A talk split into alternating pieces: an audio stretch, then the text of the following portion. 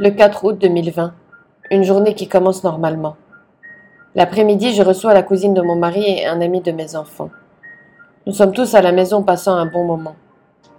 Ayant la vue sur le port, nous voyons un feu se déclencher.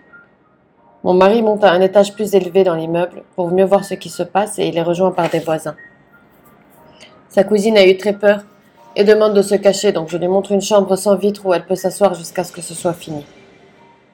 Les trois enfants la suivent heureusement. 6h07. Beyrouth est en miettes. Mon mari arrive à se protéger, mais nos voisins qui étaient avec lui n'ont pas eu cette chance. Il court en bas en criant nos noms. Sa cousine et les enfants n'ont rien eu, heureusement, puisqu'ils étaient cachés dans une chambre. Mais moi, ils ne me trouvent pas. En faisant sortir les enfants et essayant de me trouver sous les débris, il me voit presque morte au moment où mon fils sortait de la maison. Mon fils immobile me regarde, me pensant morte. Les enfants sont sortis pendant que mon mari essayait de me ranimer et arrêter le sang.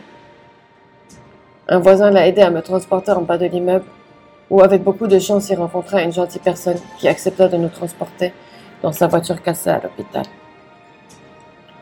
Une semaine à l'hôpital, deux mois sans conscience. Deux mois sans pouvoir m'occuper de mes enfants. J'ai perdu mes voisins qui me manquent énormément. J'ai perdu ma maison. J'ai perdu ma santé physique et mentale. Mes enfants sont traumatisés. Quand j'ai repris ma conscience lentement, j'ai décidé qu'il faut que je me relève et que je me batte pour pouvoir redevenir comme avant, pour mes enfants. Nous avons travaillé tous ensemble pour surmonter ce traumatisme. On découvre que la vie est si courte que n'importe quelle minute peut être la dernière surtout dans un pays où les politiciens se fichent de leur peuple. On doit se relever, hausser la tête et se battre. Nous devons tenir la main et nous entraider. C'est avec le support de ma famille et mes amis que j'ai pu me ressaisir. Quand on m'a dit que ça allait être dur de reprendre mon chemin, je n'ai pas arrêté d'essayer et tout faire pour reprendre mon train de vie.